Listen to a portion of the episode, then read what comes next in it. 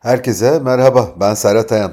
Evet, hemen hemen her şey podcast serisinde bugün size en enteresan bulduğum kitap ve filmlerden hatta müziklerden bir tanesinin e, esin kaynağını anlatacağım. Oz Büyücüsü, Wizard of Oz. Evet, sizlerle bunu konuşacağız efendim.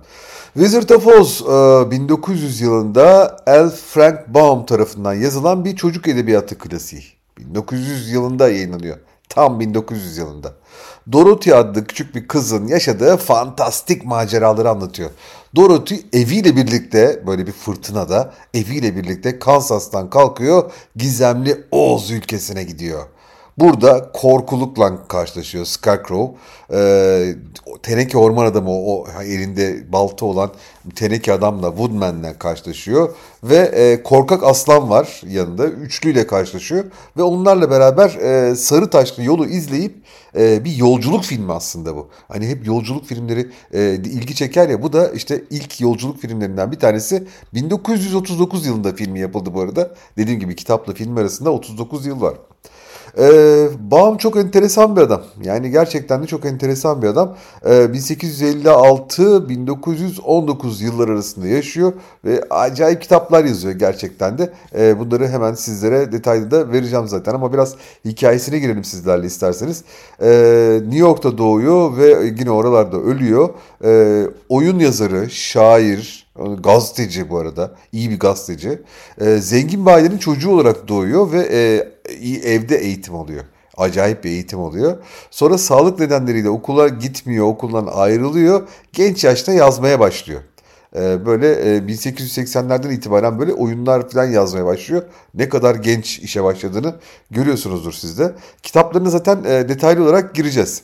Şimdi e, biraz onun hayatını etkileyen şeylerden bahsedelim. Yani çünkü o kadar simgesel yazıyor ki ve yazdıklarının içinde o kadar aslında bizim tabii ki Wizard of Oz'u seyrederken anlamadığımız e, politik ve dönemini anlatan simgeler var. Bu simgelere de teker teker sizlerle birlikte gireceğiz.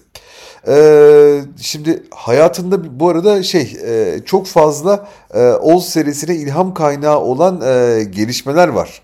Yani öncelikle şu fantastik hikayeler ve mitlerle büyüyor. Dedi ki evde büyüyor diye. Fantastik hikayelerle büyüyor ve onun bu yeni dünyalar yaratmasında bunun çok önemli bir etkisi var. Ve bütün romanlarında zaten bunu görüyorsunuz. Bu arada tiyatro deneyimi var. E, Wizard of Oz'da da zaten bunu anlayabiliyorsunuz. E, genç yaşta tiyatroyu dediğim gibi ilgi duymuş. Bunu kitaplarında da göstermiş. O kitaplarında bu arada kurdukları, yaptıkları kurgular vesaireler falan bu baya tiyatro deneyiminin etkisi var.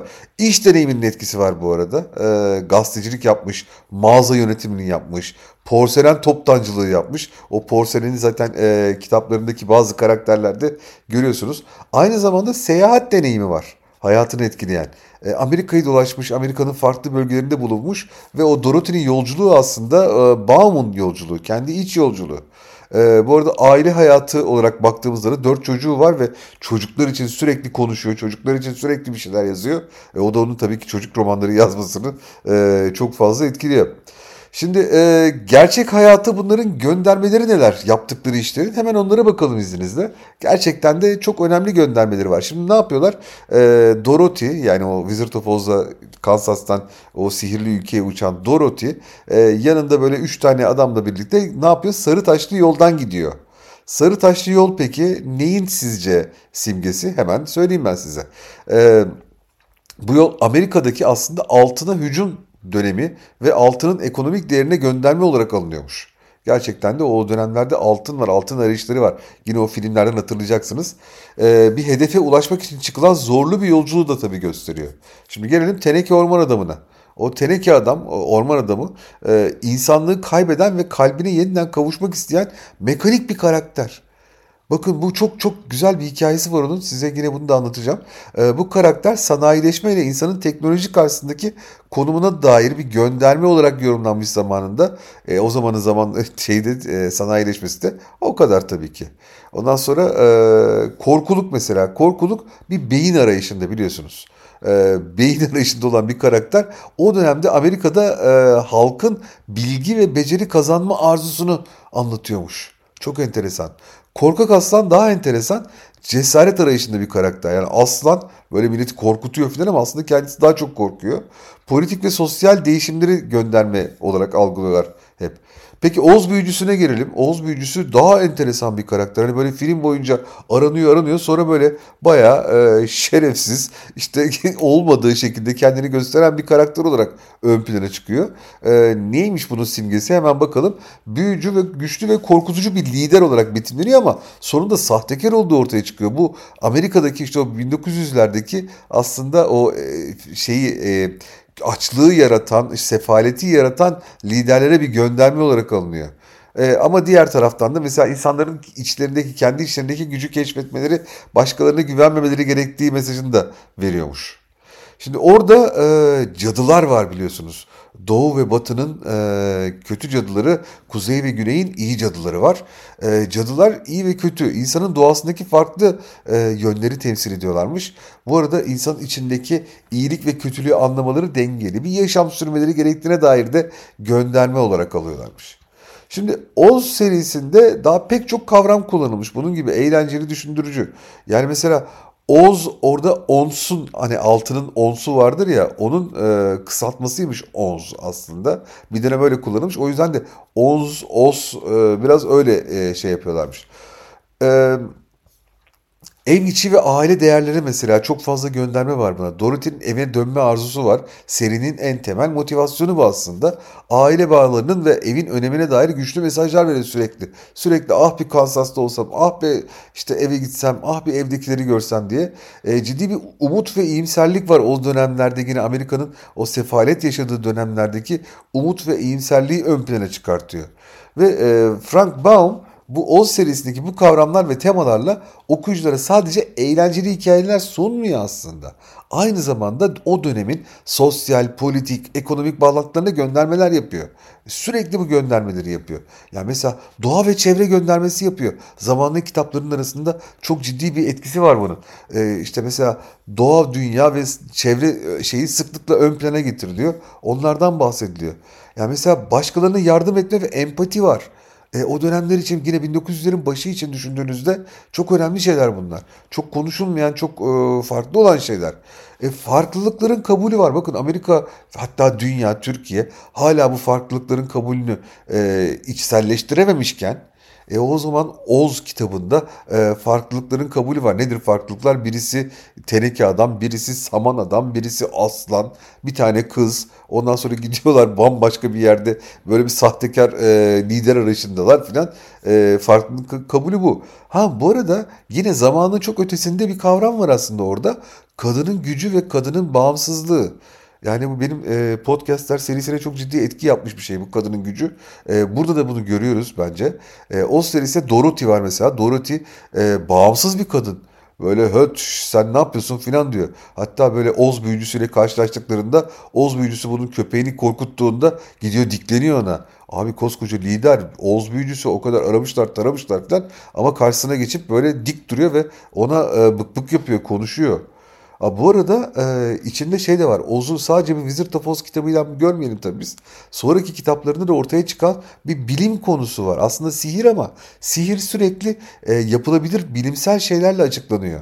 Yani Oz büyücüsü hani buraya nasıl düştüğünü de daha sonra anlayacağız kitaplarında. E, orada e, aslında olayın tamamını büyüden çıkarıp e, bilime ve sanayiye getiriyorlar. E, arkadaşlık, sadakat zaten e, bunun olmazsa olmazı. Şimdi efendim e, Oğuz Büyücüsü romanında Zümrüt Şehir var. Baş karakterlerin yolculukların sonunda ulaşmak istedikleri Oğuz Büyücüsü'nde yaşadığı büyülü, gizemli bir yer Zümrüt Şehir. E, belli temalar ve mesajlarla ilişkilendirip romanın anlamını, amaçlarını daima genişletiyor bu. Yani mesela ideal ve mükemmel bir toplum anlatıyor Zümrüt Şehir.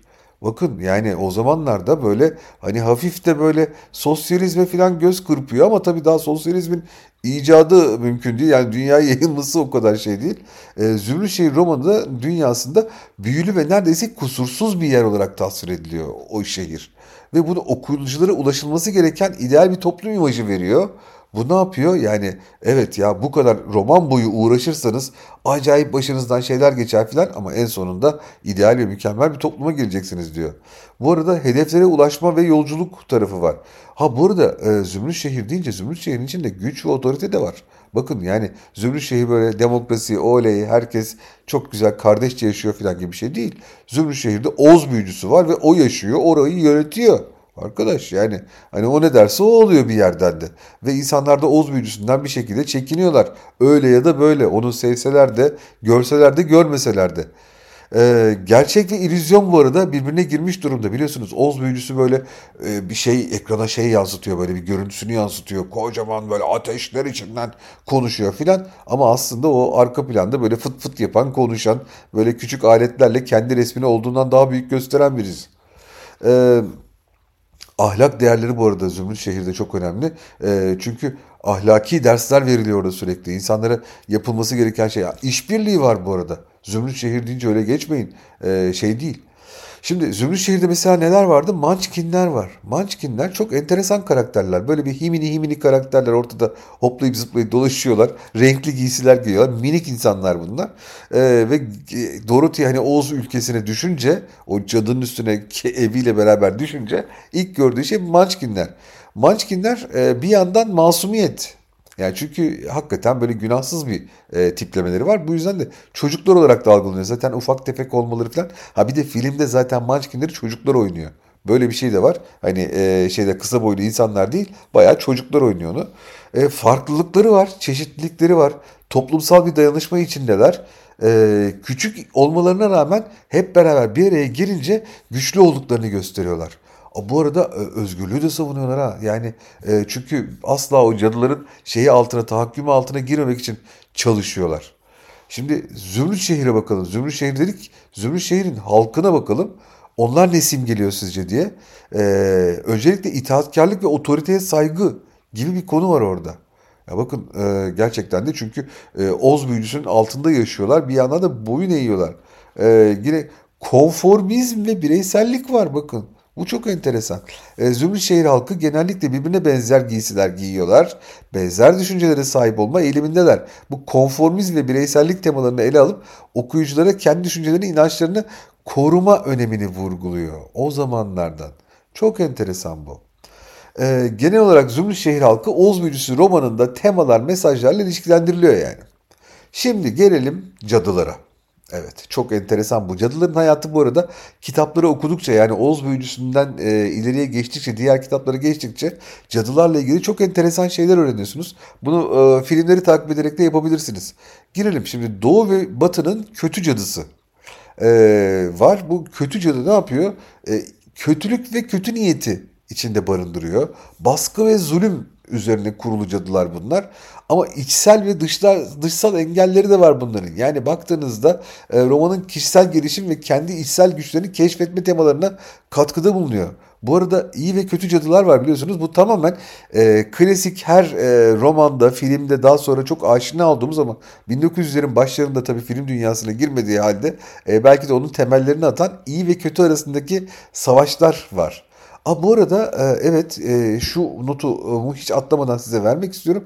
Dönüşüm ve değişim olayı da var. Cadılar sürekli bir şeyden bir şey dönüşüyorlar. Zaten dediğim gibi diğer romanlarda da onların dönüştüklerini, değiştiklerini görüyoruz. Peki bu noktadan itibaren biraz e, şeye doğru bakalım istiyorum sizlerle birlikte. Hani bunun içinde diğer sembolizmler mesela kültürel ve dini sembolizmler var cadılarda. Mesela bat, batıda kötü cadıların bulunması bazı kültürlerde ve dinlerde batının karanlık, ölüm, yıkımla ilişkilendirilmesiyle ilgili olabilir diyor bazı kaynaklar. Benzer şekilde doğunun kötü cadıyla ilişkilendirilmesi bazı kültürde doğunun aydınlık yaşamla ilişkilendirilmesine. Şimdi coğrafi sembolizmler var içinde yani. Ve e, bu, bu bence çok önemli. Yani doğu batının kötü cadı olması, kuzey ve güneyin iyi cadı olması bence büyük bir e, şey değil. Hani yanlışlıkla ortaya çıkmış, aa denk gelmiş falan diyeceğimiz bir şey değil bence. E, kitaplarına baktığımızda yani e, bu bu konuda bayağı onun üstünde kitabı var. Ve 1900'de başladıktan sonra mesela 1908'de kitabı çıkıyor, 9'da, 17'de falan yani ölene kadar neredeyse 14'te, 16'da, 15'te hep böyle kitaplar yazıyor. Ve onun, onun üstünde kitabı var bunun. ve e, her kitabı e, hikayeyi biraz daha geliştiriyor. Ama geliştirirken de e, mesela geçmişe dönüp geçmişinden de e, şey alıyor, genişletiyor. Mesela Teneke Adam hikayesi.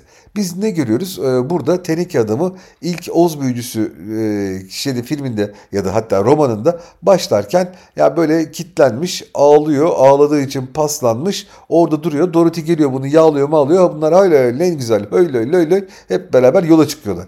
Ama aslında bir hikayesi var arkadaş. Gerçekten de inanılmaz bir hikaye. Hemen size bunu anlatayım. Bu aslında teneke adam dediğimiz kişi e, etten kemikten bir adam. Bildiğimiz bir Adem oluyor yani insan bir insan. E, hatta adı ne biliyor musunuz? Adı Nick Chopper. Nick Chopper size neyi e, hatırlatıyor? Ben size söyleyeyim. Barış Manço'nun yazdığı ilk İngilizce şarkılardan bir tanesi. Nick the Chopper e, şarkısı. Ee, daha sonra başka Türkçe olarak da seslendirildi tabii. Mutlaka hatırlayacaksınız. Nick Chopper yazarsanız mutlaka karşınıza bu şarkı çıkacak. Zaten melodiyi de çok tanıyacaksınız. Barış Manço o şarkıda şöyle bir şey diyordu. Ah Nick Chopper diye bir adam var. Nick, oduncu Nick. Ondan sonra bu gidiyor ağaçları kesiyor. Yıkanmıyor da zaten. Okumamış, yazmamış. Hiçbir şey de yapmamış. Ne pis bir adammış dediği adam aslında e, Oz büyücüsünün teneke adamı. Ve hikayesi de öyle öyle böyle değil. Şimdi e, Nick the Chopper romanda geçmişe dönük romanda yani bu e, olay Wizard of Oz olayından önceki olaylarda Nick the Chopper e, bir kızı seviyor. Ona aşık. Ama diğer taraftan kötü cadılardan bir tanesi de e, buna aşık. Ve kötü cadı Nick'in aşkını çok kıskanıyor. Arkadaş beni seveceksin diyor. Tam bir kadın yaklaşımı. Diyeyim bütün kadınları ayağa kaldırayım değil mi? Yok öyle demeyeceğim. Ee, kötü cadı Nick'in baltasını lanetliyor. Ve baltası lanetlendikten sonra Nick ne zaman ormana gitse ve ne zaman ormanda ağaç kesmeye başlasa balta pislik yapıp vücudunun bir parçasını kesiyor kolunu kesiyor, ayağını kesiyor, orasını burasını kesiyor ve kesilen her parçanın yerine Nick e, oradaki şeye gidiyor, teneke işçilerine gidip orada vücuduna bir teneke parça taktırıyor. Kolunu mu kesti? Kolunun yerine bir teneke kol takıyor. O bu filan derken Nick'in vücudunda neredeyse hiç e, şey kalmıyor. Yani teneke tarafından e, tenekeli e, yüklenmemiş hiçbir şey kalmıyor. Ve en son en son ne oluyor biliyor musunuz? En son kalbini kesiyor. Ve kalbi kesildikten sonra artık aşık olamamaya başlıyor. Ve neden aşık olamadığını da anlayamıyor. Ve o yüzden de e, şeyle beraber Dorothy ile beraber yolda kendine kalp arıyor. Yeniden sevebilmenin yolunu arıyor aslında. Müthiş bir simgesellik var orada. E, ve yani gerçekten de bence Teneke Adam onun hikayeler arasındaki en önemli hikaye. Ee, ama diğer hikayelerde çok kötü değil. Mesela korkuluk hikayesi var. Korkuluk e, Mısır tarlasında biliyorsunuz böyle şey yapıyor. Böyle içi boşalmış filan bir korkuluk olarak e, kuşları korkutamayan bir korkuluk simgeseli var orada. E, ve onun içini dolduruyor Dorothy. E, içi boşalmış durumda. içinin samanları dışarı akmış durumda. O yüzden de onun içini dolduruyor ve onu yürüyebilir tekrar e, koşabilir hale getiriyor Dorothy. E, böyle bir oranın simgeselliği enteresan. Evet. Bu arada korkuluk hani insanları korkutuyor vesaire ama e, kendine beyin arıyor. Yani aslında hani düşünebilen bir şey ama yani ona mesela e, Oz büyücüsü romanın sonunda beyin vermiyor.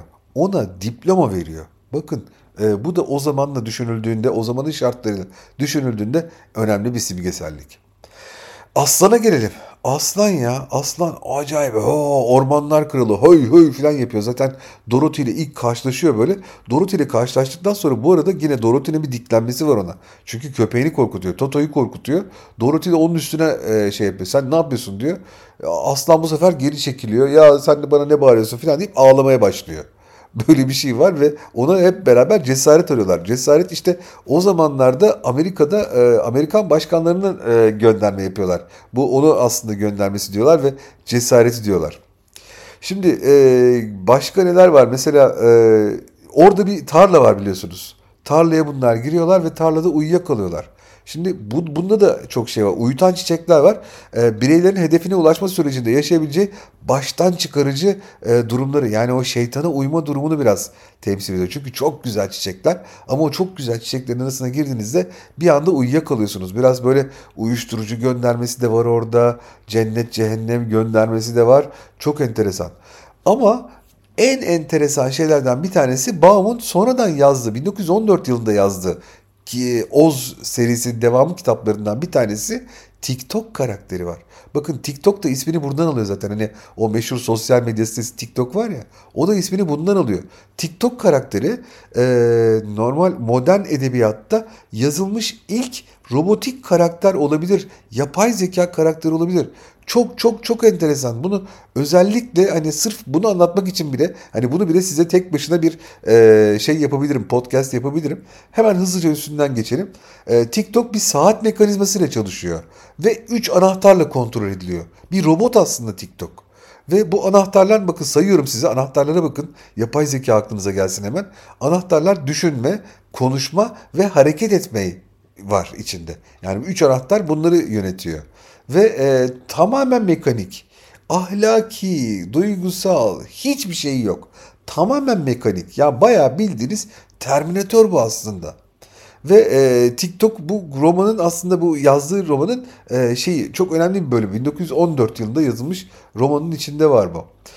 Başka neler var? Kanatlı maymunlar var ya biliyorsunuz. Kanatlı maymunlar da çok enteresan. Kanatlı maymunlar başta kötü maymunlar olarak geliyor ama diğer kitaplarda böyle şey yapıyor. Ama sürekli bir hizmet etme modunda kanatlı maymunlar. O kafalarında zaten otel e, şeyde o zamanlarda otelde komilerin taktığı böyle o tas gibi şeyler şapkalar var ya.